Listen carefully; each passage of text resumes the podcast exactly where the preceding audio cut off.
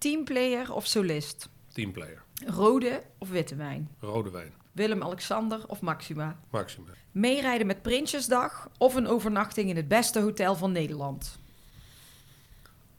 Oeh, dat is inderdaad wel een eh, dilemma. Ja, dan zeg ik toch mee rijden met Prinsjesdag. We could be heroes. Leuk dat je luistert naar Horse Heroes. De podcast waarin Floor Schoenmakers van EHS Communications in een persoonlijk gesprek gaat met een hypische ondernemer. Elke week een nieuwe gast en ook elke week een leuke giveaway. We gaan beginnen. Hij studeerde aan de hotelschool in Heerlen en heeft een achtergrond in de hotelbranche. Hij is al ruim 30 jaar ritmeester der huzaren bij het Cavalerie Ere Escort. Sinds 2015 is hij directeur van de FNRS, de branchevereniging voor professionele hypische ondernemers. Hij is gek op zijn kinderen, wijn en hotels. Loyaal, sterk, emotioneel, vriendelijk en doortastend. Vandaag ben ik aanwezig in Ermelo op het kantoor van de FNRS en ga ik het gesprek aan met Heike Blauw. Hallo Heike, Hallo. hoe gaat het? Nou, uitstekend. Ik bedoel, de zon schijnt en eh, dat niet alleen letterlijk, maar ook uh, er mag steeds meer. Dus iedereen wordt weer wat eh, vrolijker. Je merkt gewoon dat de stemming omslaat in het land en dat mensen weer positief zijn en dat we weer meer mogen en kunnen. Dus daar word ik zelf ook heel vrolijk van. Ja, dat is ook wel. Ik zag ook hier uh, bij jullie op het terrein afgelopen weekend het NK alweer uh, plaatsgevonden. Dus het was ook weer een evenement. Dus ja. het gaat weer beginnen, inderdaad. Gelukkig wel. Heike, ik zou het eigenlijk wel heel leuk vinden om, als jij even wil vertellen wie jij bent. Wie is Heike Blauw? Zeker. Uh, nou, aanstaande donderdag word ik 60 jaar uh, oud. Ik ben uh, geboren in een heel klein plaatsje in het land van Maas en Waal, Weurt, gemeente Beuningen. Ja. dat is zeg maar wanneer je vanuit Nijmegen het Maas-Waalkanaal oversteekt, heb je meteen rechts en links het plaatsje Weurt aan het dorpsplein geboren. En eigenlijk al heel vroeg ben ik gaan ponyrijden uh, op een pony van de overbuurman. En vervolgens naar Eeuwijk uh, vertrokken om daar bij Manege Jansen me verder te bekwamen daarin. En ik heb in Nijmegen op school gezeten en ben inderdaad, zoals je al zei, daarna naar Heerlen vertrokken. Omdat daar al een paar vrienden op de hotelschool zaten leek mij dat ook leuk. Ik wilde graag naar Deurne, maar dat zag mijn vader helemaal niet uh, zitten. Hij zei, je moet zorgen dat je een goede baan vindt, zodat je je kan veroorloven een paard te rijden. In plaats ja. van uh, dat je uh, in de hippische branche terecht komt. En hij vond de hotelschool trouwens ook niks, maar dat was dan in ieder geval nog beter. um, ja, en dan is het toch wel grappig dat ik dan op het eind van mijn carrière, de laatste jaren zeg maar hier terecht gekomen ben na een carrière van ruim 30 jaar in de hotelbranche, over de wereld verspreid. Um, dus uh, ja, ik ben getrouwd met Ingeborg en wij hebben samen twee dochters van 26 en 24 jaar oud. Juliette is de oudste en Frederik is de jongste, allebei afgestudeerd en aan het werk. Dus van de payroll af, uh, zeg ik dan. Ja. En uh, wij wonen samen alweer bijna 30 jaar in een prachtig plaatsje, wijk bij Duurstede, in de provincie Utrecht. Mooi aan het water, de Lek, historische plaats. En nou, we wonen daar in het centrum van wijk bij Duurstede en uh, zijn daar heel uh, happy. Maar je vertelde in het begin ben jij als kind zijnde uh, wel gaan rijden. Ja. En in heel die periode dat jij naar school ging en naar de hotelschool, zijn die paarden toen uit jouw leven verdwenen? Of ben je wel altijd uh, iets met paarden blijven Nee, in die tijd uh, waren ze inderdaad uit mijn leven verdwenen. Uh, niet uit mijn bloed, maar wel, daar heb ik inderdaad weinig gereden, omdat ik het gewoon druk had met andere dingen. studie en ik zat ook nog bij de studentenvereniging en in het bestuur van de studentenvereniging. dus dan had ik inderdaad andere hobby's. En eigenlijk uh, rondom mijn militaire diensttijd uh, is dat weer teruggekomen. Ik heb er alles aan gedaan om niet de militaire dienst te hoeven, maar dat ja. uh, is uiteindelijk niet gelukt. Nee. Ik kwam bij de cavalerie terecht en ik had daar een fantastische commandant, de overste Nix, NIX. En die zei tegen mij, als je nou ontzettend je best gaat doen, dan ga ik ervoor zorgen dat je het laatste deel van je militaire diensttijd paard mag rijden bij het cavalerie escorten. Oh, wauw. En dat was voor mij inderdaad het signaal om uh, van de minst gemotiveerde krijger naar de meest gemotiveerde krijger te gaan. Dus ik heb ontzettend mijn best gedaan. En eh, hij heeft mij geïntroduceerd bij het cavalerie Eerskorte. Nou, dat is inmiddels 34 jaar geleden. Ja. En toen heb ik het paardrijden weer opgepakt. En ja, het is eigenlijk net als fietsen. Eh, je verleert het eh, niet. Het is even onwennig in het begin. Maar eh, het is nooit helemaal weggegaan. gegaan. Maar toen jij eh, in dienst moest, toen was je, zat je op school ergens al? Of hoe? Nee, ik ben vrij laat in dienst gegaan. Dat is ook nog wel een eh, bijzonder eh, verhaal. Want ik ben vanuit de hotelschool eerst naar Zuid-Frankrijk vertrokken, naar de Côte d'Azur. Ja. Waar ik in, een, in de keuken heb gewerkt. En vervolgens ben ik naar Spa gegaan in België, in de, Be- in de Ardennen. Waar ik een stage heb gelopen van zes maanden en vervolgens front office manager werd. En ehm, daar eh, heb ik me, in die tijd heb ik me uitgeschreven uit Nederland. Omdat ik een werkvergunning moest hebben om daar te mogen werken. En in de tussentijd heeft de marechaussee brieven verstuurd dat ik in militaire dienst zou moeten. Alleen die heb ik allemaal gemist. Ja. Het adres waar ik woonde in Heerlen, de Voskuil, die flat was inmiddels afgebroken. Ehm, maar toen ik terug in Nederland kwam, eh, kwam ik in het Koerhuis in Scheveningen te werken. En ehm, daar kregen we een opdracht van het ministerie van Defensie. Maar iedereen die daarbij betrokken werd, werd gescreend door het ministerie van Defensie. Want het ging over een grote conferentie van eh, NAVO-generaals. En daar bleek uit dat ik nog in militaire dienst moest.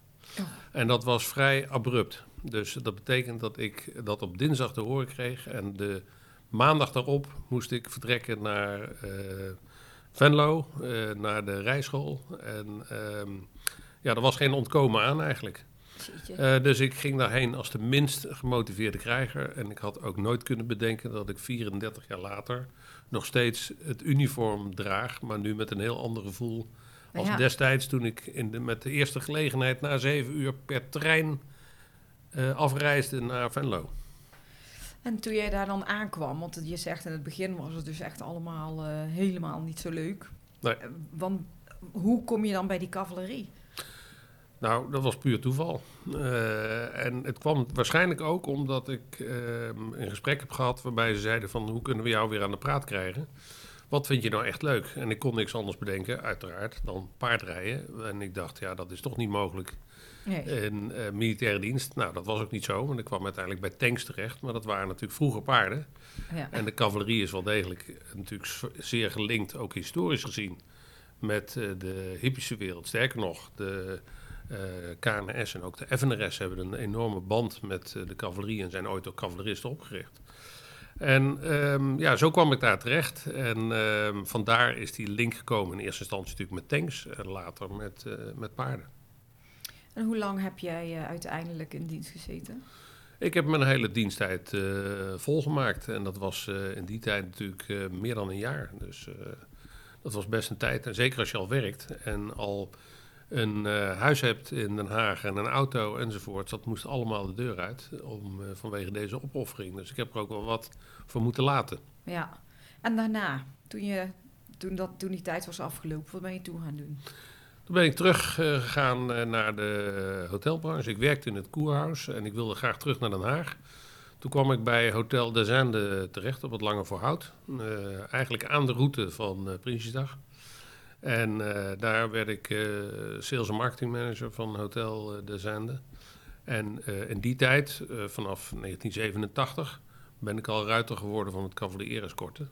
Dus kwam ik te paard achter de Gouden Koets voorbij aan het hotel waar ik werkte. Ik heb daar niet heel lang gewerkt, want daarna diende zich een nieuwe uitdaging. Maar aan. hoe kwam je daar nou weer terecht? Hoe kwam ik daar nou Ja, weer hoe terecht? kom je daar nou terecht? Nou ja, vanuit militaire dienst. Eh, de overste niks eh, maakte mij attent op eh, het escorte. Hij was daar zelf ook actief geweest. Ja. En ehm, omdat ik cavalerist was, was het een logische stap daar naartoe.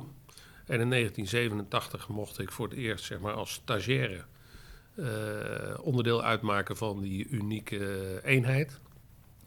Ehm, en vanaf 1988 ben ik toen eh, zeg maar vast opgesteld en mee gaan rijden met cavalerie-escorten.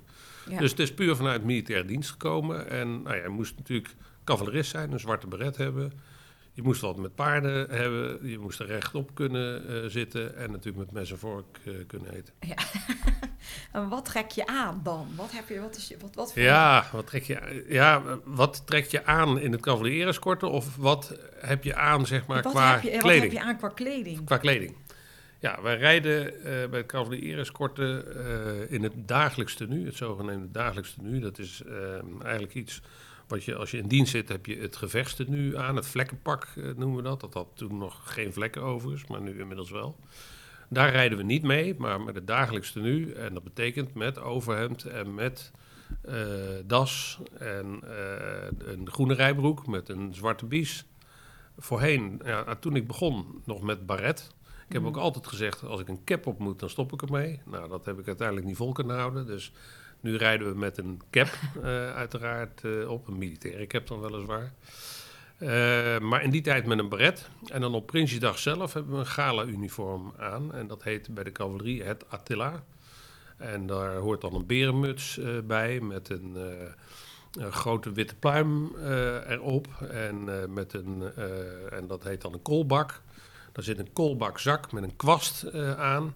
En eigenlijk alle onderdelen van het uniform hebben een functie. Zoals ook heel veel onderdelen natuurlijk van eh, het eh, harnassement een functie eh, hebben. Hebben ook van het uniform heeft alles een functie. Bijvoorbeeld de oranje sjerp die we om eh, hebben. Daar kun je weer een hooinet van maken. Die kun je aan, aan- als je te velden bent, kun je die aan de boom hangen, zodat het paard daar zijn hooi uit kan trekken. Ja. De koolbak die was vroeger van zeehondenbont gemaakt en van binnen met leer bekleed. Daar kon je een paard mee drenken, want die was waterdicht. Tegenwoordig zit er een gaasje aan de bovenkant in, dus werkt hij daar niet meer voor. Nee. bovendien hoeven onze paarden niet meer op die manier te drenken. Maar dat was wel een manier, en je kon je daar ook mee wassen en eh, in eh, scheren in die, eh, die koolbak. Dus dat had een speciale functie. De koolbakzak, die kon je er aftrekken en daar kon haver in.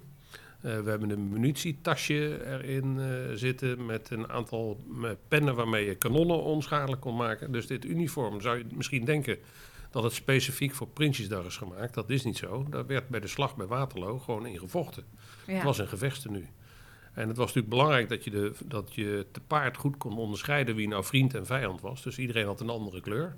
En Nederland was in Nassau blauw.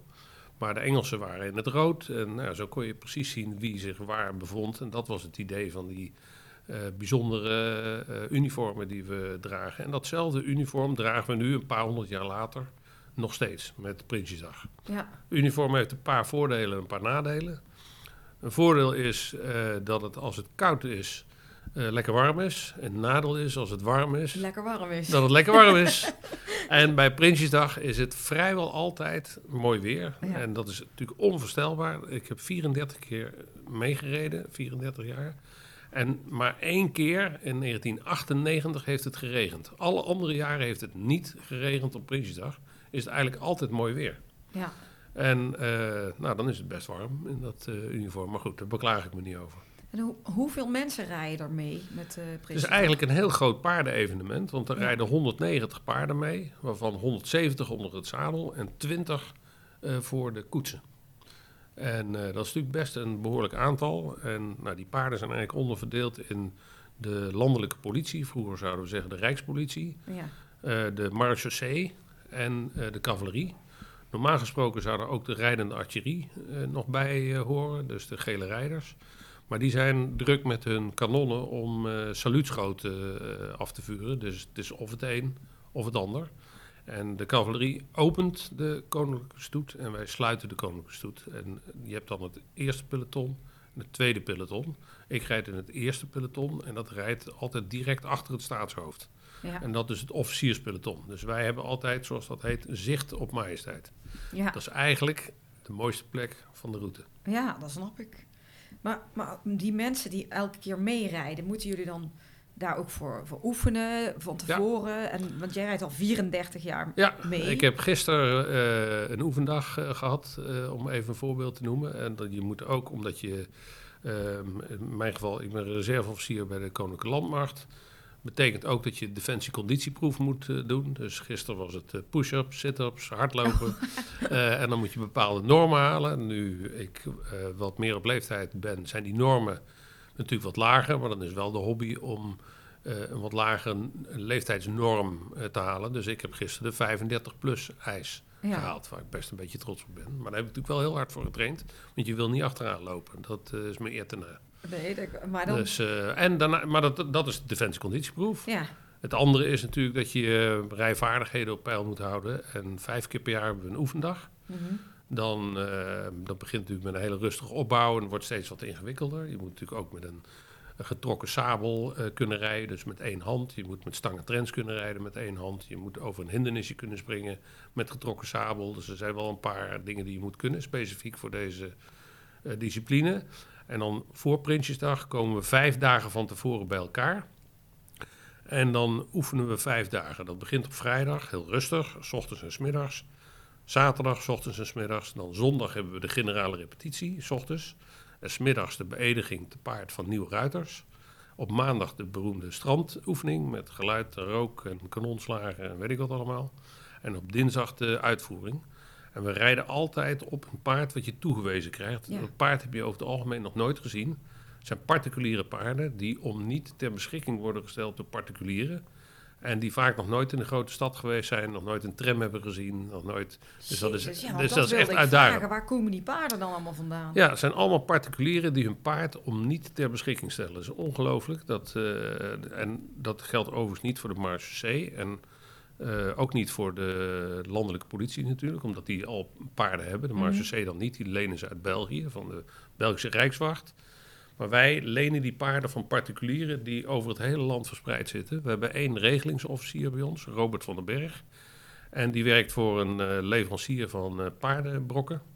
Dus die komt op heel veel plekken en overal waar die komt en hij een paard ziet waarvan hij denkt dat zou wel eens interessant voor ons kunnen zijn, vraagt hij van goh, ehm, Is dat paard? Nee. is dat paard beschikbaar? Maar hoeveel mensen rijden er dan bij de cavalerie die die paarden lenen? Eh, wij hebben in totaal voor Prinsjesdag zo'n 90 paarden, roepen we op. En daarvan rijden er 68 mee op de dag zelf.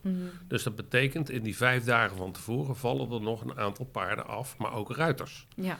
Een paard wat natuurlijk, want ze worden natuurlijk uit het land gehaald of bij een, bij een eigenaar vandaan. Ze worden naar Den Haag vervoerd, gehuisvest in tenten. Niet ieder paard vindt dat leuk. Nee. Dus als een paard het echt niet naar zijn zin heeft en hij weigert om te eten of te drinken, nou dat weten we allemaal, dan gaat hij terug naar huis. Een paard wat geblesseerd raakt, wat natuurlijk ook zou kunnen gebeuren, of waarvan, die zich niet kan gedragen in de groep, hè, want dat is natuurlijk ook, wij rijden met z'n vieren naast elkaar. In rotten van vier, zoals dat heet. En dan een peloton bestaat uit 25 personen, één commandant die ervoor rijdt. En dan zes rotten van vier die erachter rijden. Dus dat zijn, is een blok van 25. Kijk, sommige paarden rijden liever aan de eh, van voren of liever van achter, liever aan de zijkant, liever van binnen. Maar er zijn ook paarden die op geen enkele plek het leuk vinden. Nee. Die gaan ook weer naar huis. Ja. Nou ja, en dan hebben we natuurlijk een groep met bruinen, een groep met vossen. We hebben een, de standaard, dat zijn Friesen. Dus dan moet je weer een reservevries hebben natuurlijk. Want mocht er een geblesseerd raken, dan moet er een andere Fries in kunnen. En die moet ook weer hetzelfde kunnen als wat die anderen kunnen. De paukenist, degene dus met die grote trommels... eh, die, eh, dat is helemaal specifiek werk, want die stuurt met zijn voeten. Dus die teugels die zitten aan zijn stijgbeugels. Maar die heeft wel Dus- een paard dat het kan, neem ik aan. Dat Die heeft, een, die heeft een tinker eh, ter beschikking. En Ja. ja. dat is Gert van het Hof zit daarop over het algemeen. Ja, dat is wel iemand die dat, die dat goed kan. Maar dan moet je ook weer een reservetinker eh hebben. En die moet ook weer tegen die trommels kunnen enzovoort. En degene die erop zit moet kunnen trommelen. Ja. We hebben ook trompetters, die rijden weer op een schimmel. En dan moet je weer een reserveschimmel hebben. En degene die erop zitten moeten natuurlijk signalen kunnen blazen. Ja. Dus het zijn echt wel hele specifieke paarden en hele specifieke taken. En we hebben natuurlijk een heel ehm, eh, groep mensen die ons ook nog eh, bijstaat gedurende die dagen. Dus een aantal hoefsmeden. Want er zijn ook mensen die denken van nou dat is handig. Ik stel mijn paard ter beschikking. En ik laat hem nog even niet naar de hoefsmid gaan. Want dat gebeurt in Den Haag wel. Eh, dan Oh, heb je natuurlijk, Gebeurt dat ook? Ja, dat gebeurt natuurlijk. Ja, dat is, en dan heb je natuurlijk ook eh, eh, zadelpassers, je hebt bitfitters, je hebt fysiotherapeuten, je hebt nou, gewoon heb je eigenlijk wel- alles. Want wat, wat draagt zo'n paard? Hebben die ook speciaal een... Nee, die heeft gewoon zijn eigen zadel. Heeft Ja. een, eh, hij krijgt wel stangen trends eh, om op een gegeven moment. En dat Ja. zijn, eh, zijn ze ook niet allemaal gewend. Nee. Dus dat is nog even een dingetje. En voor de rest hebben wij een sabel en een sabeltas. En een sabel is natuurlijk ook wel, dat maakt geluid en dat klingelt. En ehm, ja, dat vinden ook niet alle paarden even leuk. En het uittrekken van een sabel, dat is natuurlijk achter het oor. Dus, ja, dat trek ook. je Dat uit. maakt ook weer geluid. En dan denken ze ook, wat is dat? Een zweep of is het wat anders? Nou, dus dan moet je ook weer aan wennen. moet je op een bepaalde manier dat paard laten zien eh, dat dat sabel er is. En dat het allemaal geen gevaar eh, betekent. Maar ja, er worden natuurlijk 90 sabels tegelijkertijd uitgetrokken. Ja, Dus ik kan je vertellen, de eerste keer dat dat gebeurt... dan eh, gaan er nog wel eens een paar paarden die denken van... nou, het is niet leuk hier. die gaan even... Sowieso, de op vrijdag zitten we er voor het eerst op. Dan gebeuren de meeste ongelukken. Als er ongelukken gebeuren, is het altijd op vrijdag. Zijn die paarden natuurlijk fris. De ruiters die zitten er net voor het eerst op. Je kent elkaar nog niet.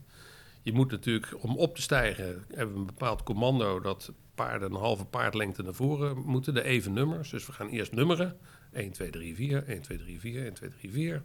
Dan tot opstijgen gereed. Dat betekent dat de oneven nummers een halve paardlengte naar voren gaan. En dan is het commando te paard. En dan gaat iedereen tegelijk. Ja. Eh, te paard is het idee. Maar ja, je paard wordt natuurlijk niet vastgehouden. We hebben geen 90 man om al die paarden vast te houden. Dus dat betekent op het open veld, het poloveld van Duinlicht... dat je wel eh, goed op moet letten hoe je eh, eh, opstijgt. En nou ja, mocht je onverhoopt ten val komen... wij noemen dat onvrijwillig afstijgen... dan begint iedereen meteen bier te roepen. Want dat betekent dat je Dat je 120, moet tracteren. 120, 120 bier moet trakteren. Oh. En je moet voor het front van de troepen op de eind van de dag bij het appel een verhaal houden waarom je lid bent geworden van de Empty Saddle Club. Want als je eraf onvrijwillig afstijgt, word je lid van de Empty Saddle Club. Ben jij ook lid van de Empty Saddle Club? Nou, ik ben lid van de Empty Saddle Club geworden na 25 jaar. Oh ja? Ja, en ehm, dat gebeurde omdat ik een halve paardlengte naar voren stond en het paard achter mij, terwijl ik boven het zadel hing, tegen mijn paard aan eh, botste, waardoor hij ook weer een sprong naar voren deed en ik landde achter het zadel. En nou, dat weet iedereen, daar zit je niet zo lang. Nee, daar zit je Dus niet ik werd eraf gebokt, lag op de grond. En toen moest ik smiddags natuurlijk mijn verhaal houden. Dus ik heb verteld, luister, ik heb 25 jaar op kosten van de Empty Saddle Club bier gedronken. en ik vond het in het kader van mijn jubileum Ja. gepast om jullie nu wat terug te geven. En als ik eenmaal in het zadel zit, dat weten jullie ook, dan ga ik er nooit meer uit. Dus ik heb het achter het zadel geprobeerd en dat ging prima. Oh, dus je had meteen een mooi verhaal. eh. Dus dat is, het is wel de bedoeling dat je dan inderdaad een humoristisch verhaal op het eind van de dag eh, vertelt. Maar die mensen, die, eh, is dat een best wel een, trouwe groep die allemaal jarenlang altijd terugkomen? Ja, zeker. Ja. Het is een hele trouwe groep. En eh, daar heb je natuurlijk ook weer groepjes binnen de groep die weer meer met elkaar optrekken. Ik heb ook een groep van twaalf vrienden waar ik mee meerijd. En dan gaan we ook ieder jaar bijvoorbeeld ehm, eh, dat in het buitenland paardrijden. En nu gaan we voor het zoveelste jaar naar de Pyreneeën toe. Dan trekken we van Spanje naar Frankrijk over de Pyreneeën te paard. En gelukkig ziet het ernaar uit dat dat dit jaar ook weer gaat gebeuren. Dus we gaan 1 juli eh, vliegen we naar Barcelona. En dan gaan we naar Nochito, ergens midden Pyreneeën. En van daaruit trekken we dan in een paar dagen te paard de Maar, Pyreneeën maar dat is een groep van, eh, van Ja. allemaal, allemaal Ja. mannen van de cavalerie. Ja, klopt. Wat leuk. Klopt, ja. En hoeveel jaren doe je dit Dus dan? ja, dit doen we ook al heel erg lang. We hebben Oh, ook in leuk. Kenia gereden en we hebben in Rome gereden en in Dublin en in Argentinië. En, en door het jaar heen rijden we ook jachten in Compiègne, in eh, Le Mans. In, ehm, dus ja, dat is ook een van de dingen die we leuk vinden. Heb je zelf Maar nu we- paarden ook? Nee, nee. Dat wil ik graag zo houden. En al, maar die paarden die meedoen met, eh, met die cavalerieën, dat je zegt 90 paarden die, die zo eh, worden uitgeleend, is dat elk jaar ook een, ja, een aantal vaste paarden die altijd terugkomen? Jawel, jawel. Er Ik is, heb nog eh, nooit gezien dat er een oproep was of zo voor. Nee, voor nee, dat hoeft niet. Er, zijn voldoende, is voldoende aanbod. Dus we hebben geen oproep eh, hoeven we te doen voor paarden. Kijk, het is natuurlijk zo als iemand dit deze podcast hoort en denkt van... nou, ik heb een paard, die zou dat ontzettend leuk vinden om een keer mee te doen. Ja, maar waar Dan moet hij aan voldoen? Hij moet, Nou, het moet, kijk, het paard moet er natuurlijk deftig uitzien. Het moet een beetje een fatsoenlijk eh, paard zien om naar te kijken. Het leuk, moet er leuk uitzien. Het moet natuurlijk een paard zijn die geen moeite heeft om stil te staan. Dat is al een hele belangrijke groot. uitdaging. Het moet een groot paard zijn. Het moet ehm, een paard zijn die het leuk vindt om in een groep eh, op te treden. Die niet eh, heel schrikachtig eh, is. Maar jij hebt een hele leuke plek, zei je net, achter, achter, de Ja. maai- achter majesteit. Ja. Heb je leuke majesteitverhalen voor mij? Nou, nee, eigenlijk niet. Oh. Ik bedoel, wij hebben als belangrijkste taak om ehm, ze te escorteren. Ja. En dat betekent dat we ze van een afstandje zien instappen en weer uitstappen. En dan staan we op het buitenhof te wachten met een... We krijgen dan van Rijkswegen een Wilhelmina pepermuntje verstrekt. Want we kunnen niet drinken, want we kunnen namelijk dat niet af. Dus Nee. je kunt ook niet naar het toilet. nee. Eh, maar ja, dan wordt de troonrede uitgesproken en dan rijden we weer terug naar het paleis. En daar stijgen ze uit en eh, dan brengen we een goed en dat is het. Maar één keer in de vijf jaar, dat weten niet zoveel mensen, dan is achter het paleis op de koer eh, worden de poorten opengemaakt. Dan rijden wij daar met onze eenheid eh, heen. Dan komt de militaire muziek eh, erbij en dan zingen we het Huzarenlied voor de koning en koningin. En dat vinden ze altijd erg leuk. En dat vinden de prinsesjes natuurlijk altijd erg leuk om, om te zien. Sowieso wanneer de muziek begint te spelen. We hebben een keer de fout gemaakt door ze redelijk dicht achter de paarden op te stellen. Nou, dan begint natuurlijk eh, die muziek te spelen. En dan gaan al die paarden natuurlijk een halve meter eh, naar voren. Dus dat is al een eh, bijzonder moment. Dus daar hebben we nu ook een beetje anders geregeld. Maar het zingen van het Huzarenlied, en ja, dat noemen we het Royal Salute. Ja. Eens in de vijf jaar, dat is wel een van de hoogtepunten. En nou, ik heb, er zit nog een stichting boven, daar heb ik twintig jaar in het bestuur gezeten. En er worden steeds een paar bestuursleden uitgekozen die dan ehm, ontvangen worden voor een kopje thee tijdens het Royal Salute. Dus dat, die eer is mij ook een keer ten deel gevallen. Dus dan ben ik afgestegen van mijn paard, naar binnen gelopen, een kopje thee, weer opgestegen en weer terug naar eh, de kazerne. Dus dat was heel erg leuk. Ja, dus je hebt wel ehm, ze ontmoet, dus ook gewoon. Ja, en het regiment waar ik, lid, eh, waar ik onderdeel van uitmaak, het regiment Huzaren Prins Alexander, die werden eh kwaliteit qua ook uitgenodigd op zijn verjaardag om ook een kopje thee te komen drinken en een glaasje wijn. En eh, daar ben ik ook mee, mee geweest, eh, twee keer met die delegatie, dus bij de Horst te ontvangen. Ja. En dat was ook heel erg leuk. Dus wat dat betreft hebben we wel absoluut een goede band ermee. Maar het is niet zo. de- onze belangrijkste taak is gewoon het escorteren van het staatshoofd. Ja. En voor de rest niet. En de, met de koninklijke stallen bijvoorbeeld. Mhm. Wat, ehm, wat gebeurt daar? En heb jij daar ook ehm, dan mee van doen? Nou, nee, de koninklijke stallen zijn voor ons eh, facilitair. Sowieso is het zo dat de stalmeester van eh, de koning, nu nog de kolonel Wassenaar, die dat de afgelopen 25 jaar heeft gedaan. Ja. Die was instructeur bij het cavalerie Ereskorte toen ik begon. Dus daar, daar kennen we elkaar eh, van. En hij is trouwens ook voorzitter geweest van het Fries stamboek. Bert Wassenaar. Hij is verantwoordelijk voor de hele stoet. Eh, dus eh, dat is een van de dingen die daar eh, gebeurt. Maar de koninklijke stallen gaan, die hebben een rijstal en een koetstal. Dus dat is het paardengedeelte. ja. Dat zijn maar bescheiden aantallen paarden hoor. Dat moet je niet denken aan heel veel paarden. Die gaan natuurlijk over al het historisch materiaal. Dus eh, tuigage, maar ook alle koetsen die er zijn.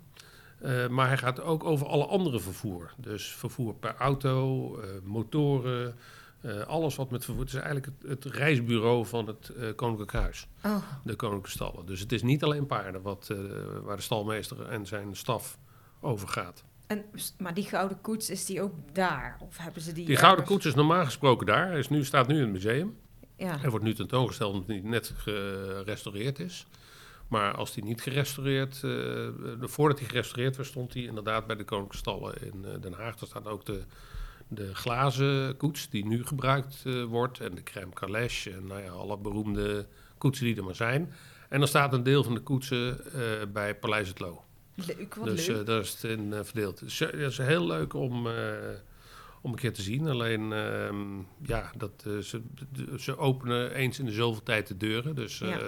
me- meestal in de zomer als er geen andere verplichtingen zijn. En het is de moeite waard om daar een keer te gaan kijken. Ja, zeker ook de ehm, kamer waar alle eh, harnassementen, de tuigkamer. Ja. Dat is echt eh, waanzinnig mooi. Er staat overigens ook nog een opgezet paard. oh, En eh Bexy, en die heeft bij de slag bij Waterloo nog meegevochten. En Oh. is daarna het eh, eerbetoon opgezet. Dus die, die staat er nog. En dan zul je zien dat dat, een, dat, dat relatief kleine paarden Paarden waren in die, tijd, in die tijd. Ook de hoeven zijn allemaal een stuk kleiner dan dat ze nu zijn. Ja. oh. En, maar van het koninklijke huis, rijden daar ook, eh, rijdt daar ook iemand paard? Ja, nou het is bekend natuurlijk dat ehm, eh, prinses Beatrix eh, een, fanatiek Amazone is en graag rijdt. En naar ik begrepen heb nog steeds. Koning Willem-Alexander en koningin Maxima, die, daar heb ik wel ehm, eh, foto's van gezien dat ze in Argentinië wel eens eh, paard rijden. Ja. Dus eh, die kunnen in ieder geval allebei paardrijden. En ehm, eh, koning Willem-Alexander heeft vroeger ook wel bij, eh, in Soesdijk natuurlijk, bij opa in de tuin paard gereden. Er zijn ook wel foto's van. En de prinsesjes rijden ook alle drie. En Oh ja? Amalia heeft al een aantal malen deelgenomen aan de spring. ja, dat klopt, ja. wedstrijdje. Oh ja, Dus, daar, daar weet ik. Ja, ja, maar gaat nee, ze dan zeker. onder een andere naam. Nou, ik weet niet onder welke naam dat eh, is, maar eh, eh, misschien inderdaad Amalia van Oranje, ik weet het niet. wel leuk Maar, dat die ook dan weer rijden daar. Ja, nee, zeker. Het is hartstikke leuk en ook heel belangrijk natuurlijk voor de toekomst van de Koninklijke Stallen. En ook, ik vind voor de uitstraling van Nederland als paardenland ook fantastisch dat ze zo Ja. enthousiast zijn. En bij Indo-Brabant en ook bij het CIO zie je meestal ook wel bij Jumping bepaalde onder- bij. Jumping. Zie je inderdaad ook wel eh, de stalmeester samen met eh, leden van het Koninklijk Huis. Dus Ja. eh, ze hebben altijd eh, Prins Bernhard had dat natuurlijk ook, een historische band eh, gehad met, met paarden. En Bernhard is ook beëdigd als ritmeester der Huzaren op het Malieveld in Den Haag. Mhm. En ehm, ja, bij zijn begrafenis in Delft ehm, hebben wij hem geëscorteerd. Eh, dat hebben we overigens ook bij eh, Juliana en bij eh, Prins Klaus gedaan. Maar bij Bernard was het bijzonder dat we ook zijn kist hebben gedragen. Dus Oh. dat waren ook huzaren inderdaad. Ja. Oké, en, Ja. en maar ook jullie zijn ook aanwezig geweest bij de bruiloft. Ja, Toen. ja, dat is voor mij nog steeds... Als ik daarover begin, krijg ik weer een enorme glimlach op mijn gezicht. Want Is dat- was voor mij het hoogtepunt. Ja, Absoluut. Ik wou 2-2 het zeggen. 2002 eh, in Amsterdam zal ik nooit meer vergeten. Ik bedoel, dat was echt ongelooflijk. Op de een of andere manier zijn die evenementen altijd in de winter. Dus dat is al één bijzonderheid natuurlijk. De begrafenissen, ja, die kan je natuurlijk niet plannen. Maar die zijn ook over het algemeen in de winter. ja. En dit was natuurlijk ook in februari. En ja, in de voorbereiding was het al echt ongelooflijk koud. Maar op de dag zelf leek het wel alsof er een stolp over Amsterdam was gezet... die van binnen blauw was geschilderd. Want het was gewoon prachtig eh, mooi eh, eh, weer. ja.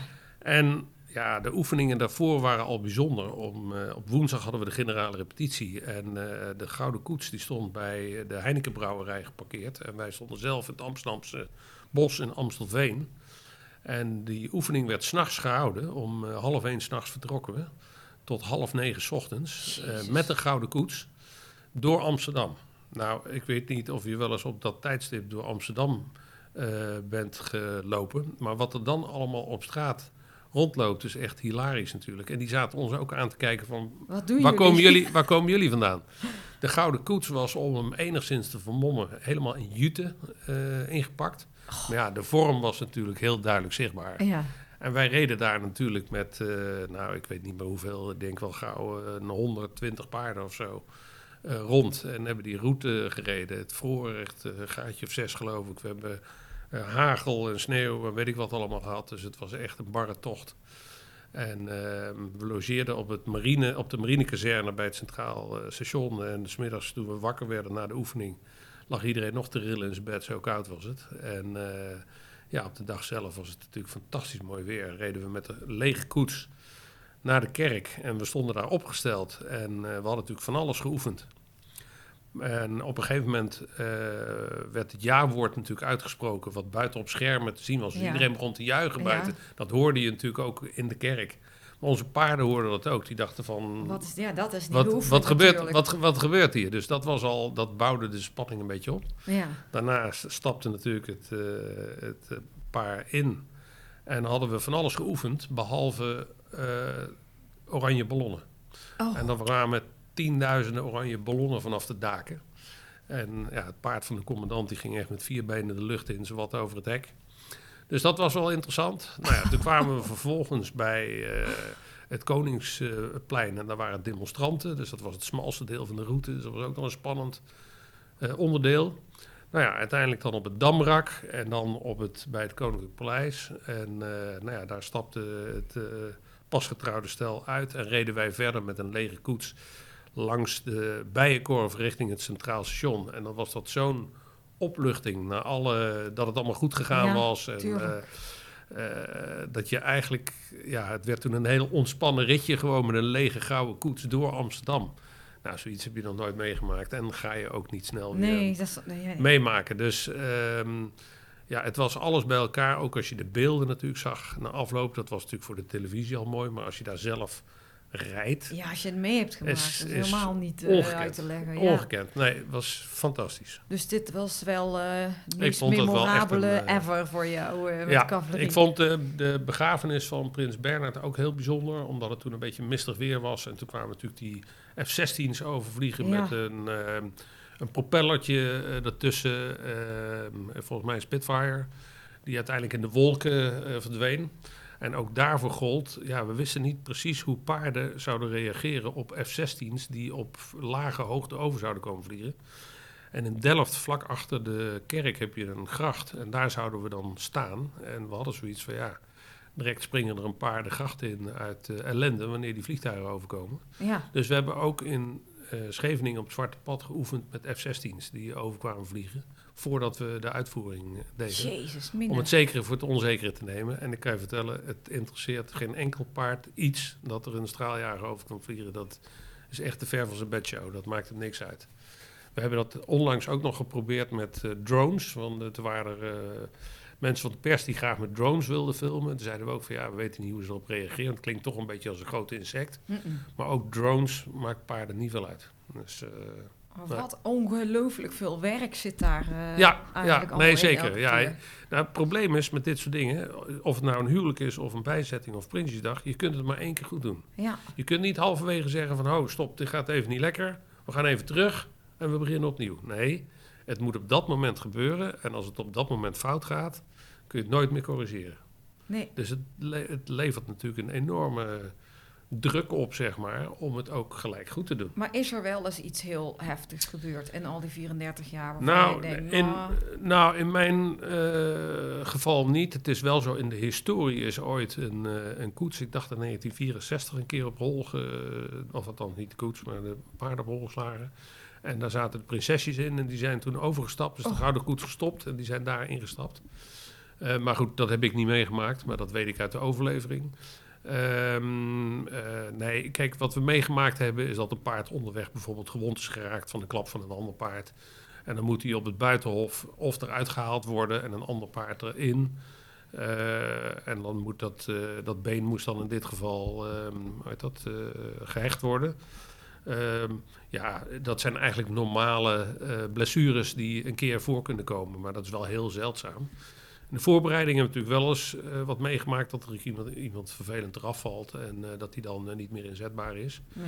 Maar gelukkig geen andere issues dan, dan dat eigenlijk. Dus, En hebben jullie wel eens last gehad van al die paardenwelzijn demonstranten? Nou ja, ik wilde dat nog even noemen. De, nee, nee, daar hebben we geen last van. Het is wel zo dat. ehm, eh, nou, het, het grappige is eigenlijk als je op Bokt kijkt, waar mensen natuurlijk heel erg kritisch zijn vaak hè, over van alles en nog wat. Mhm.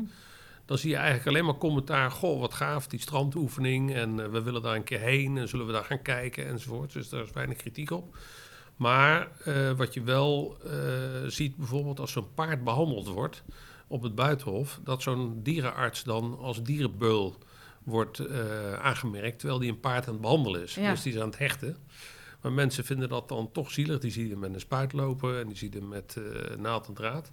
Dus daarvoor hebben we wel besloten dat we daar ook altijd een trailer hebben staan. Dus dat paard gaat op de trailer, die wordt daar behandeld en dan wordt daar besloten, hij gaat terug of hij gaat niet eh, terug. Maar dat doen we dan wel, zeg maar, alleen met de deskundigen onder elkaar en niet met het grote publiek. Want er staan echt, eh, nou weet ik het, honderdduizend mensen langs de kant. Ja. En door onkunde zijn er wel mensen die dan niet weten wat ze zien en daardoor ehm, een verkeerd oordeel vellen.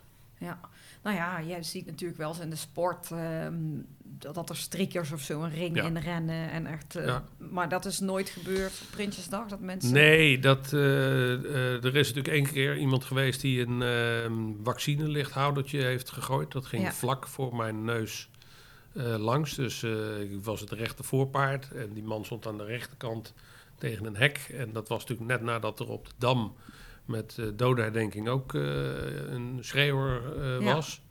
Dus iedereen was heel alert. Maar ja, er staan natuurlijk echt honderden politieagenten langs de kant, dat is één ding. En duizenden militairen. Dus dit incident, nog voordat we een paar meter verder waren, lag deze man al op de grond met een van de dranghekken bovenop zich. En daar zaten een, zes, een stuk of zes mensen bovenop. Ja. Dus eh, ik had niet het idee dat hij veel uit kon richten. Maar je kon natuurlijk niet zien wat het was. Ik had wel het idee dat het niks bijzonders was. Maar ja, is het een handgranaat, dan heb je natuurlijk toch een probleem. Eh, Ja. Maar ja, het is natuurlijk een grote menigte die langs de kant staat. Maar eigenlijk zijn er geen noemenswaardige incidenten geweest eh, tot nu toe. Wauw, wat gaaf allemaal. Leuk hoe je dat allemaal zit te vertellen ook, want eh, dit wist ik dus ook allemaal niet. Hoe je Nee, dat nee, nou, eh, nee. Maar vorig jaar eh, natuurlijk niks. Net zoals Ja. een heleboel dingen niet. Heel sneu, heel sneu. Want ja, aan de diensttijd van kolonel Wassenaar komt dit jaar een eind. Dus het zou kunnen zijn dat hij zijn laatste rondje heeft gemist. En dat had ik hem van harte gegund. Oh. Want dat is echt wel de stalmeester eh, voor mij. En ja, onze commandant van het cavalerie-escorte, de major Saton, Rick Saton... Dit was voor hem zijn eerste jaar als commandant. En dan rijden we niet uit. Dus dat is ook wel bijzonder. Dat is één keer eerder gebeurd. In 1974 was waar de kaping van de Franse eh, ambassade. Hmm. Die ligt bijna op de route. Die ligt net achter de Amerikaanse ambassade. Toen achter men het toch te gevaarlijk om met de stoet te rijden. Dus toen hebben we niet gereden. En net na 9-11 hebben we wel gereden. Maar toen hebben we in tegenstelling, want we normaal staan we nooit stil. Toen hebben we even stilgestaan bij de Amerikaanse ambassade. En ook niet in ons Attila, dus gala tenue gereden. Maar in ons dagelijks tenue. Uit eerbetoon voor de slachtoffers van 9-11. Mm-mm. Dus ehm, ja, er zijn wel, want iedereen zegt het is altijd het min of meer hetzelfde. Eh, dat is niet zo. Er zitten ook wel eh, soms nieuwe elementen in, eh, in de stoet. Ja. We hebben heel lang bijvoorbeeld met twee trompetters gereden. En nu hebben we een hele groep met trompetters. We hebben nog niet zo lang geleden een paukenpaard toegevoegd. Die was het daarvoor ook niet. Ehm, eh, de standaardgroep rijdt met Friese. Dat was daarvoor ook niet. Er was nog wel even bezwaar tegen vanuit met name wat oudere cavaleristen. Want die zeiden, ja, de standaard, die gingen vroeger mee naar het slagveld. En die moest je natuurlijk, net als bij de Stratego, moest je die met eh, lijf en leden bewaken. Mm-mm. En echte oude cavaleristen die zeiden van, ja, daar kun je toch geen Friese voor eh, inzetten. Daar kun je helemaal geen oorlog mee voeren met die beesten. Dus eh, dat moesten Gelders of Groningse paarden zijn natuurlijk. Maar daar hebben we ons niks van aangetrokken. En, En toch gedaan. En toch gedaan. Maar dit hele verhaal waar jij heel mooi over vertelt, dat is de hobby. Ja, dat is mijn hobby, zeker. En, en, maar wat Ja. is dan het echte werk van Heike Blauw? Het echte werk. Ja, nee, het echte werk is dat ik directeur ben van de Federatie van Nederlandse Ruitersportcentra. Ja, En ja, dat had ik zelf nooit kunnen eh, bedenken toen ik op de hotelschool eh, zat. En ook niet toen ik in eh, mijn laatste baan was in Parijs, toen ik daar werkte. Maar ja, ik wilde graag terug naar Nederland. En via via werd ik erop patent gemaakt dat men een directeur zocht van de FNRS. Ehm, ik had helemaal geen plannen om in deze branche te gaan werken. Eh, maar ja, ik heb een gesprek gevoerd met de toenmalige voorzitter Constans Manganas. En raakte daardoor wel geïnspireerd. En dat was een behoorlijk probleem in die tijd. En het was erg onrustig, zoals dat in de paardenwereld eh, kennelijk te doen gebruikelijk is. Dat om een paar jaar er grote onrust en onlusten in het land ontstaan. ja. En ze zochten een relatieve buitenstaander die wel het verschil wist tussen de voor- en achterkant van een paard. Maar een relatieve buitenstaander om ehm, eh, de zaak weer in rustig vaarwater te brengen. En toen dacht ik, nou weet je wat, eh, laat ik gek doen. Eh, ik ga het doen. En daar heb ik tot op de dag van vandaag geen spijt van gehad. En hoe ziet een, een dag in het dagelijks leven hier eh, bij de FNRS voor jou eruit? Ja, eh, voor corona, eh, tijdens corona, dat maakt nog wel veel verschil. Ja. Maar laten we even een standaard dag. Ja, dat is eigenlijk ehm, even los van een aantal vaste onderdelen zeg maar, in het jaar niet helemaal te voorspellen. En dat maakt het ook wel weer heel erg leuk. We hebben natuurlijk een achterban met eh, 450 ondernemers. En ondernemers die bedenken iedere dag weer iets Ja, waar ze niet eh, happy mee zijn, of waar ze een probleem mee hebben, of wat ze opgelost willen zien, of ehm, waar ze tegenaan lopen. En dat kan een nationaal probleem zijn, eh, dat kan een lokaal probleem zijn, een provinciaal probleem. Ehm, of eh, ze willen hun gal spuien over een ander, dat komt ook veel voor. Dus mijn agenda wordt voor een deel bepaald door mijn achterban.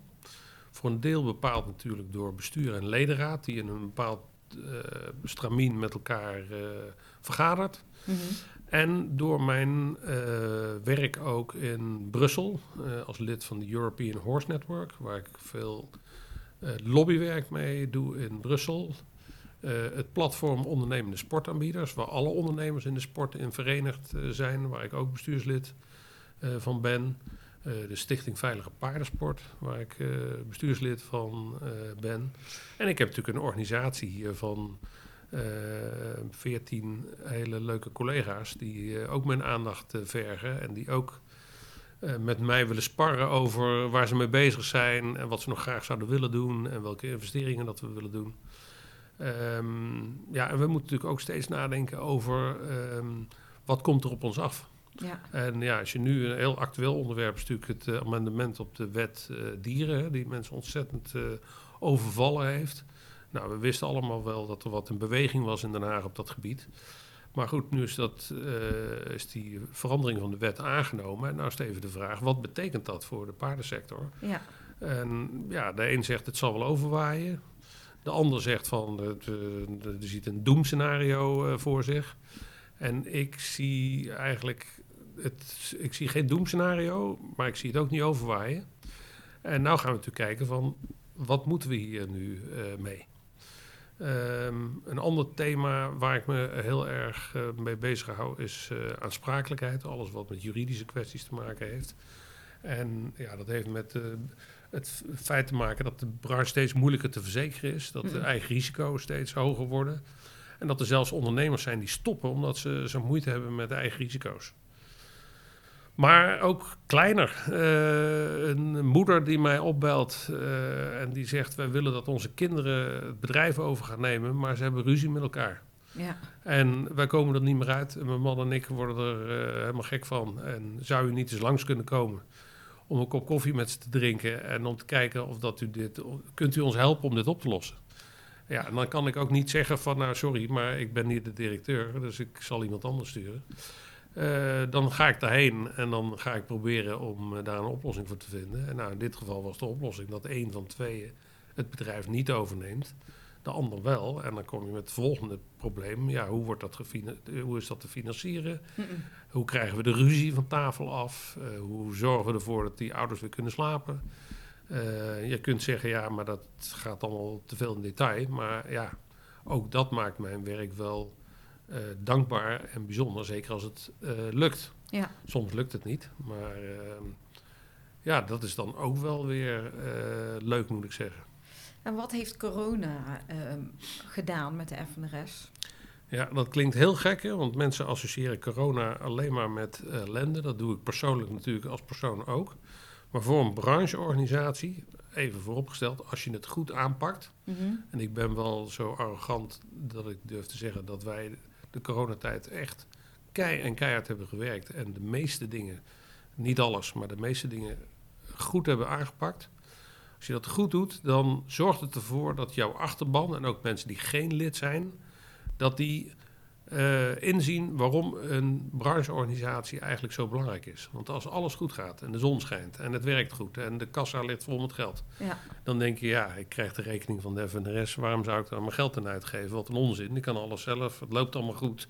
Eh, wat doen ze eigenlijk eh, voor mij? Maar tijdens een crisis merk je, het is toch wel makkelijk om één centraal punt te hebben waar je je, ehm, waar ondernemers elkaar kunnen ontmoeten, kunnen verenigen en waar ze hun vraagstukken op een centrale manier onder de aandacht kunnen brengen bij de overheid en kunnen zoeken naar een eh, oplossing. En ehm, het heeft ons behoorlijk wat nieuwe leden opgeleverd en ook de tevredenheid van leden over de FNRS nog verder verhoogd. Ja. Dus wat dat betreft heeft de crisis, even, daar heb ik het nog niet over financiën, want het heeft ons natuurlijk ook wel behoorlijk wat geld gekost. Nou zijn wij een financieel gezonde vereniging, inmiddels weer. Dat waren we een aantal jaar geleden niet. Althans was de bodem van de schatkist in zicht. Dus het heeft ons best wat opgeleverd. En het heeft ook opgeleverd met ons team... eh, dat we eigenlijk nog eh, een hechter team zijn geworden. En het, het grappige is, dat, dat zie je ook bij bedrijven... mensen die al een goede relatie hadden met een klant... die hebben allemaal, daar hebben de klanten allemaal doorbetaald... Ja. En bedrijven die al een probleem hadden met een heel aantal van hun klanten, die hebben allemaal problemen ook gehouden, of nog sterker gekregen tijdens de coronatijd. Wij hadden al een goede band met elkaar in dit team. Ja. We, hè, we waren al echt een behoorlijk hecht team. Dat is in coronatijd alleen nog maar hechter geworden. Terwijl heel veel bedrijven zeggen, we hebben moeite om de binding te houden en we, het is allemaal lastig om elkaar te bereiken. Ik ben iedereen op gaan zoeken thuis. Uh, ze mochten dan zelf kiezen of dat ze mij thuis ontvangen of ergens anders. Ja. En toen zijn we gaan wandelen en zijn we één op één, was allemaal één op één, gaan praten over hoe zit je in je je vel, uh, hoe loopt het, wat heb je nodig, uh, kan ik je ergens bij helpen. En daarna, in de tweede cyclus, ben ik iedereen naar wijkbeduursteden uitgenodigd bij mij thuis. Dus iedereen, ook uit Friesland, uit Limburg, en uit, zijn allemaal aan de wijkbeduursteden gekomen. Een wandeling, een lunch en één op één, twee tot drie uur Oh, met elkaar jeetje, praten over hoe zit je erin, hoe gaat Ja. het met je, eh, hoe is het thuis. eh, en minder over eh, business. Dat komt natuurlijk ook te sprake, maar het gaat er meer om. Ja, maar omdat iedereen je in zo'n rare situatie zit, dat, dat, Exact. dat weet je, dat is oh, wat wel heel goed. En we hebben om de nou, twee, drie weken hebben we online op donderdag of vrijdag een quiz gedaan, een spel gedaan, Ja. een, eh heet dat, zo'n labyrint, eh, d- eh, digitaal labyrint, eh, weet ik veel wat. Iedereen heeft om de beurt wat bedacht. Bingo, eh, nou, ik heb een borrelpakket toegestuurd, ik heb eh, nou, van alles en nog wat gedaan om die binding, die Goed al houden. goed was, maar goed te houden. Oh. En ik heb het idee dat dat echt geholpen heeft, want ook dan zijn mensen eigenlijk bereid om die extra stap te doen. Ja. En wat ik wil van onze leden, wil ik ook van ons team, is dat ze fan zijn van de FNRS. Ja. Een fan heeft drie hele grote voordelen. Een fan is bereid om je te helpen. Als je een fout maakt, is een fan bereid om je die fout te vergeven. En een fan is bereid om meer te betalen.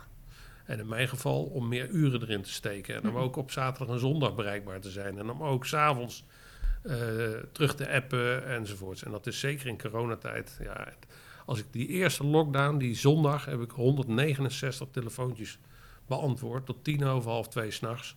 Van bedrijven die in paniek waren en die dachten van nou, we gaan eraan. Ja. Want ja, niemand wist waar het heen ging. En iedereen dacht, nou ja, als de paardenbedrijven dichtgaan en we hebben geen inkomsten meer, dan is het gebeurd. Nou, gelukkig is dat al meegevallen, maar het begon in een soort blinde paniek. En iedereen zat ook naar ons te kijken van zet op papier wat we moeten doen. We weten niet wat we moeten doen. We hadden alleen één probleem, dat wisten wij natuurlijk ook Nee. niet. Dus dat wij moesten dat ook uitvissen. Dus we hebben ineens een heel netwerk gekregen met NOC-NSF, met het ministerie van VWS, met toen nog minister Bruins, voordat hij uitviel. En daarna met Tamara van Ark. En eh, met het ministerie van Economische Zaken. Allemaal mensen die we nog nooit hadden ontmoet. Die nu allemaal in ons netwerk eh, zitten. En we allemaal in coronatijd eh, zijn we dichter tot elkaar gekomen. En hebben we uiteindelijk voor elkaar gekregen dat we een soort eh, ja, modus hebben gevonden om eh, iedereen erbij te betrekken, overeind te houden, vragen te beantwoorden. Ja. En ja, dat, en daar hebben we natuurlijk ongelooflijk veel tijd in gestoken. En ja, dat ging zeven dagen per week door. S ochtends vroeg tot s avonds laat. Het waren werkweken nadat ik echt gewoon een paar uur geslapen heb. En- ja, maar hoe je dat in het begin zei, dat je dan nu, juist nu, hebt kunnen laten zien waar die branche, Ja. voor staat. Ja. Dus, eh, Mijn 06-nummer hebben we meteen overal opgezet. ah ja. Geen andere 06, alleen mijn 06-nummer. Bel mij en ik ga dat dan wel weer verdelen in het eh, team. Even een stukje muziek. Ja, Jij eh, had een, we zijn bijna ook aan het einde van de podcast. Jij Ja. hebt ehm, een, jouw lievelingsnummer doorgegeven. van eh, Les Le, Le Poppies. Ja. Wat is er met dat nummer? ja, dat is mijn eerste plaatje eigenlijk. eh, wat ik echt helemaal grijs heb gedraaid. En, Ja. ehm, eh, ja, ik kom uit een gezin, mijn vader en moeder ehm, zijn allebei, ehm, spreken vloeiend eh, Frans. Rondom ehm, Sinterklaas werd er altijd Frans gesproken, want dan werden de cadeautjes en de hele strategie rondom Sinterklaas doorgenomen door mijn ouders. Dus wij wisten als kinderen, er komt iets spannends aan, want er wordt Frans gesproken hier thuis. C'est l'histoire d'une trêve que j'avais demandé, c'est l'histoire d'un soleil que j'avais espéré, c'est l'histoire d'un amour que je croyais vivant, c'est l'histoire d'un beau jour que moi petit enfant je voulais très heureux pour toute la planète, je voulais, j'espérais que la paix règne en mettant ce soir de Noël, mais tout a continué, mais tout a continué, mais tout a continué. Non, non, rien n'a changer. Tout, tout à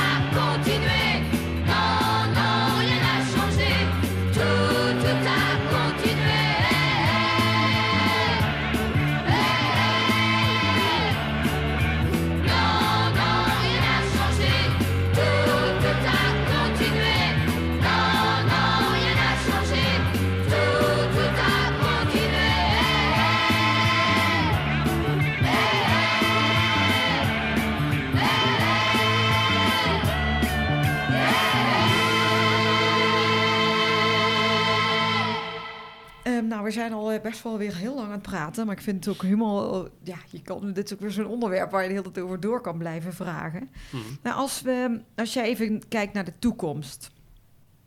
Iets van de FNRS, wat zijn... eh, wat gaat er gebeuren de komende jaren of het komende jaar? Wat hebben jullie Dan- Ik denk dat we dan nog een eh, uur nodig nog een hebben. uur moeten doen? Ja, er gaat heel veel eh, gebeuren.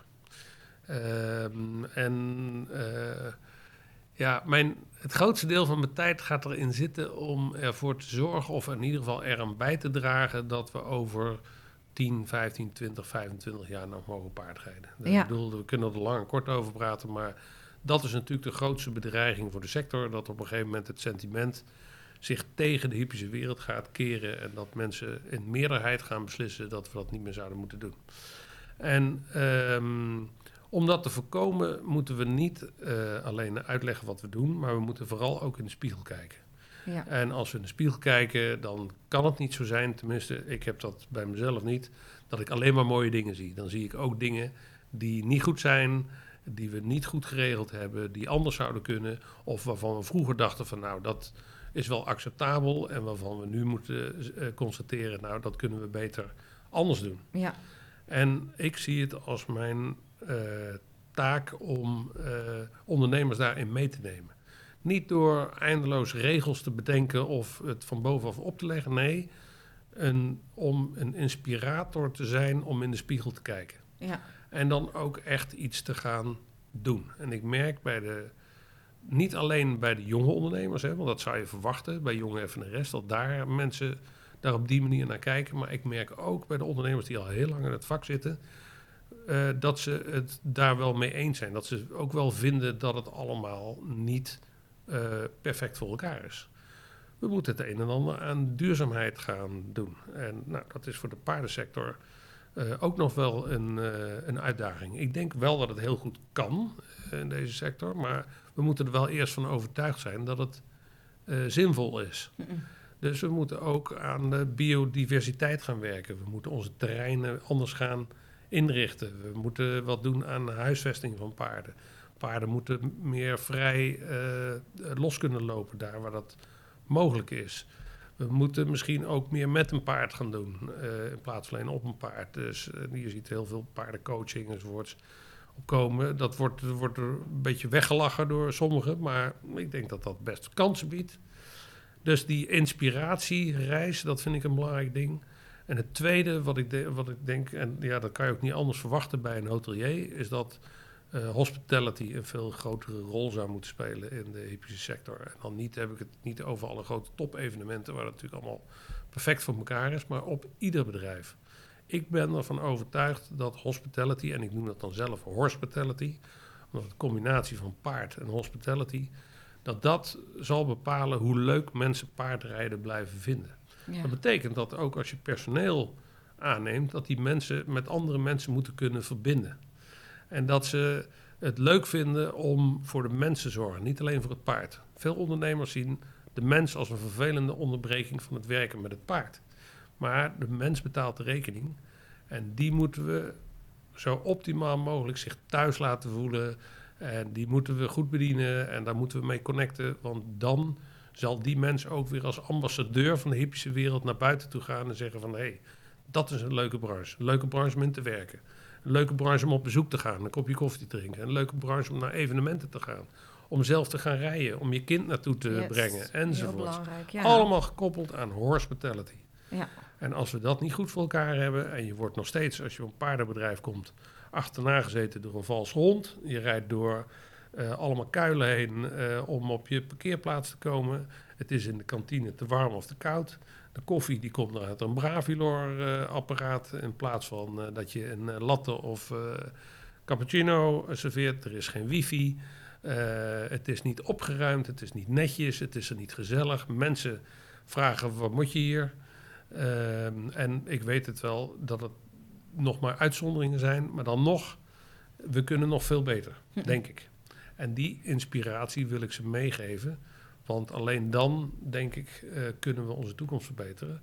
En de marges moeten verbeteren in de paardenbranche. En dat kan volgens mij door eh, wanneer we ons op een andere manier gaan organiseren en eh, de klantenreis, eh, zoals dat dan heet, anders gaan organiseren. En dat begint al bij de oriëntatiefase.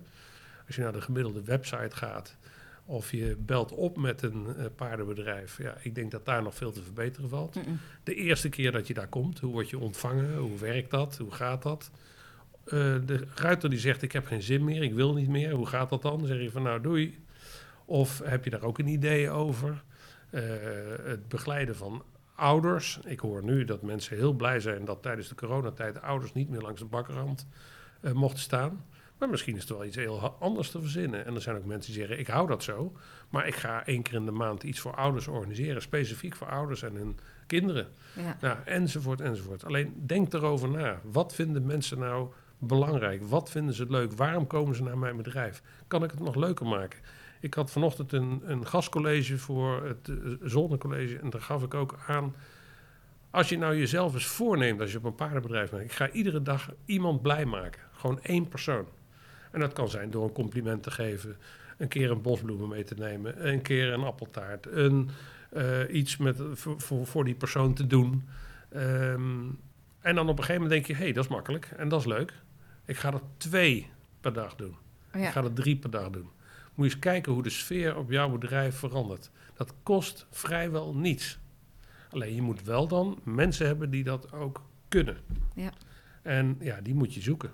Want dat gaat over talent. Dat gaat niet over skills. Skills kan je iemand leren, maar je moet het talent hebben. Het talent om te connecten. Nou, en als je dat niet hebt, dan heb je de verkeerde mensen. Ik vind dit een eh, hele mooie afsluiter. en een hele mooie boodschap, twee eigenlijk. Ja. Hey Heike, super bedankt dat je jouw verhaal hebt gedaan. En ehm, ik, ja, het hele stuk ook van de, van de cavalerie en zo is superleuk hoe je daarover vertelt. Want het gaat bij de hele, eerste stuk helemaal daarover. En ook heel veel verhalen nog eh, over de FNRS te vertellen.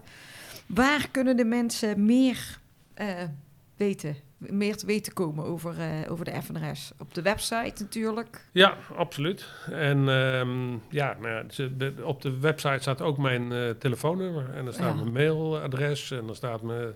Ik ben er voor iedereen. Dus eh, wat dat betreft, eh, schroom niet. En we hebben daarnaast ook nog, als je liever een Brabander een telefoon hebt... of een Friesin, of een... eh, die staan er ook allemaal op. Ook Ja. met een 06-nummer. Dus dat zijn eh, Patrick en Zwaan, Merel, Anita, die zitten in de provincie. Ja, En die zijn ook nog eh, beschikbaar en die weten ook alles van de FNRS en die kunnen het net zo goed vertellen of misschien nog wel beter dan dat ik dat kan. Nou, uiteindelijk kan ik me bijna niet voorstellen als ik jou op wil praten. Hey, ehm, wij doen aan het einde van de podcast ook altijd een eh, giveaway voor de luisteraars. Ja, Heb jij iets leuks? Wat, ja nou ja, punt 1. Er zit wel één maar aan dit leuks. Ik wil die eh, persoon eh, of personen, mogen er ook twee zijn, uitnodigen voor eh, de strandoefening in Scheveningen tegenover het Koerhuis bij de voorbereiding op Prinsjesdag. En eh, dan zorg ik ervoor, er is een apart eh, vak voor eh, journalisten en daar kan ik eh, iemand ontvangen. Ik zit dan zelf, als het goed is, te paard. Dus dat betekent dat ik dat zal delegeren aan iemand anders. En na afloop van de strandoefening, of van tevoren, een beetje van afhankelijk waar iemand vandaan komt en hoeveel tijd dat er is, ehm, kunnen ze dan naar het kamp eh, komen op Duindicht, waar we gehuisvest zijn. Dan kan ik laten zien hoe de paarden gehuisvest zijn. Oh, wat helemaal leuk. Kennis laten maken met de eh hoefsmid, met de paardenarts, met de commandant. Ja. Zodat ze een indruk hebben over hoe we de, eh, dat allemaal georganiseerd hebben daar. En dat is wat mij betreft voor twee personen. Er is alleen één probleem. Afgelopen jaar ging Prinsjesdag niet door. Ik hoop natuurlijk van ganse harte dat het dit jaar wel doorgaat. Ja.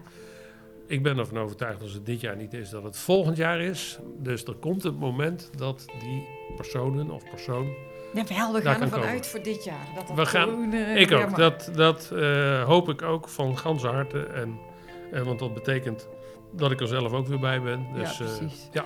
Ik vind het een mega prijs. Helemaal leuk. En ehm, nou, nogmaals super bedankt voor eh, jouw deelname aan Horse Heroes. En wil jij kans maken op de giveaway van Heike en eh, een hele geweldige dag meemaken daar in Scheveningen? Laat dan een bericht achter onze, eh, achter, onder onze Facebook of Instagram post van vandaag. En dan kies ik over twee weken weer twee personen uit die eh, daaraan deel mogen nemen. Heike, hartstikke bedankt en tot volgende week. We could be heroes.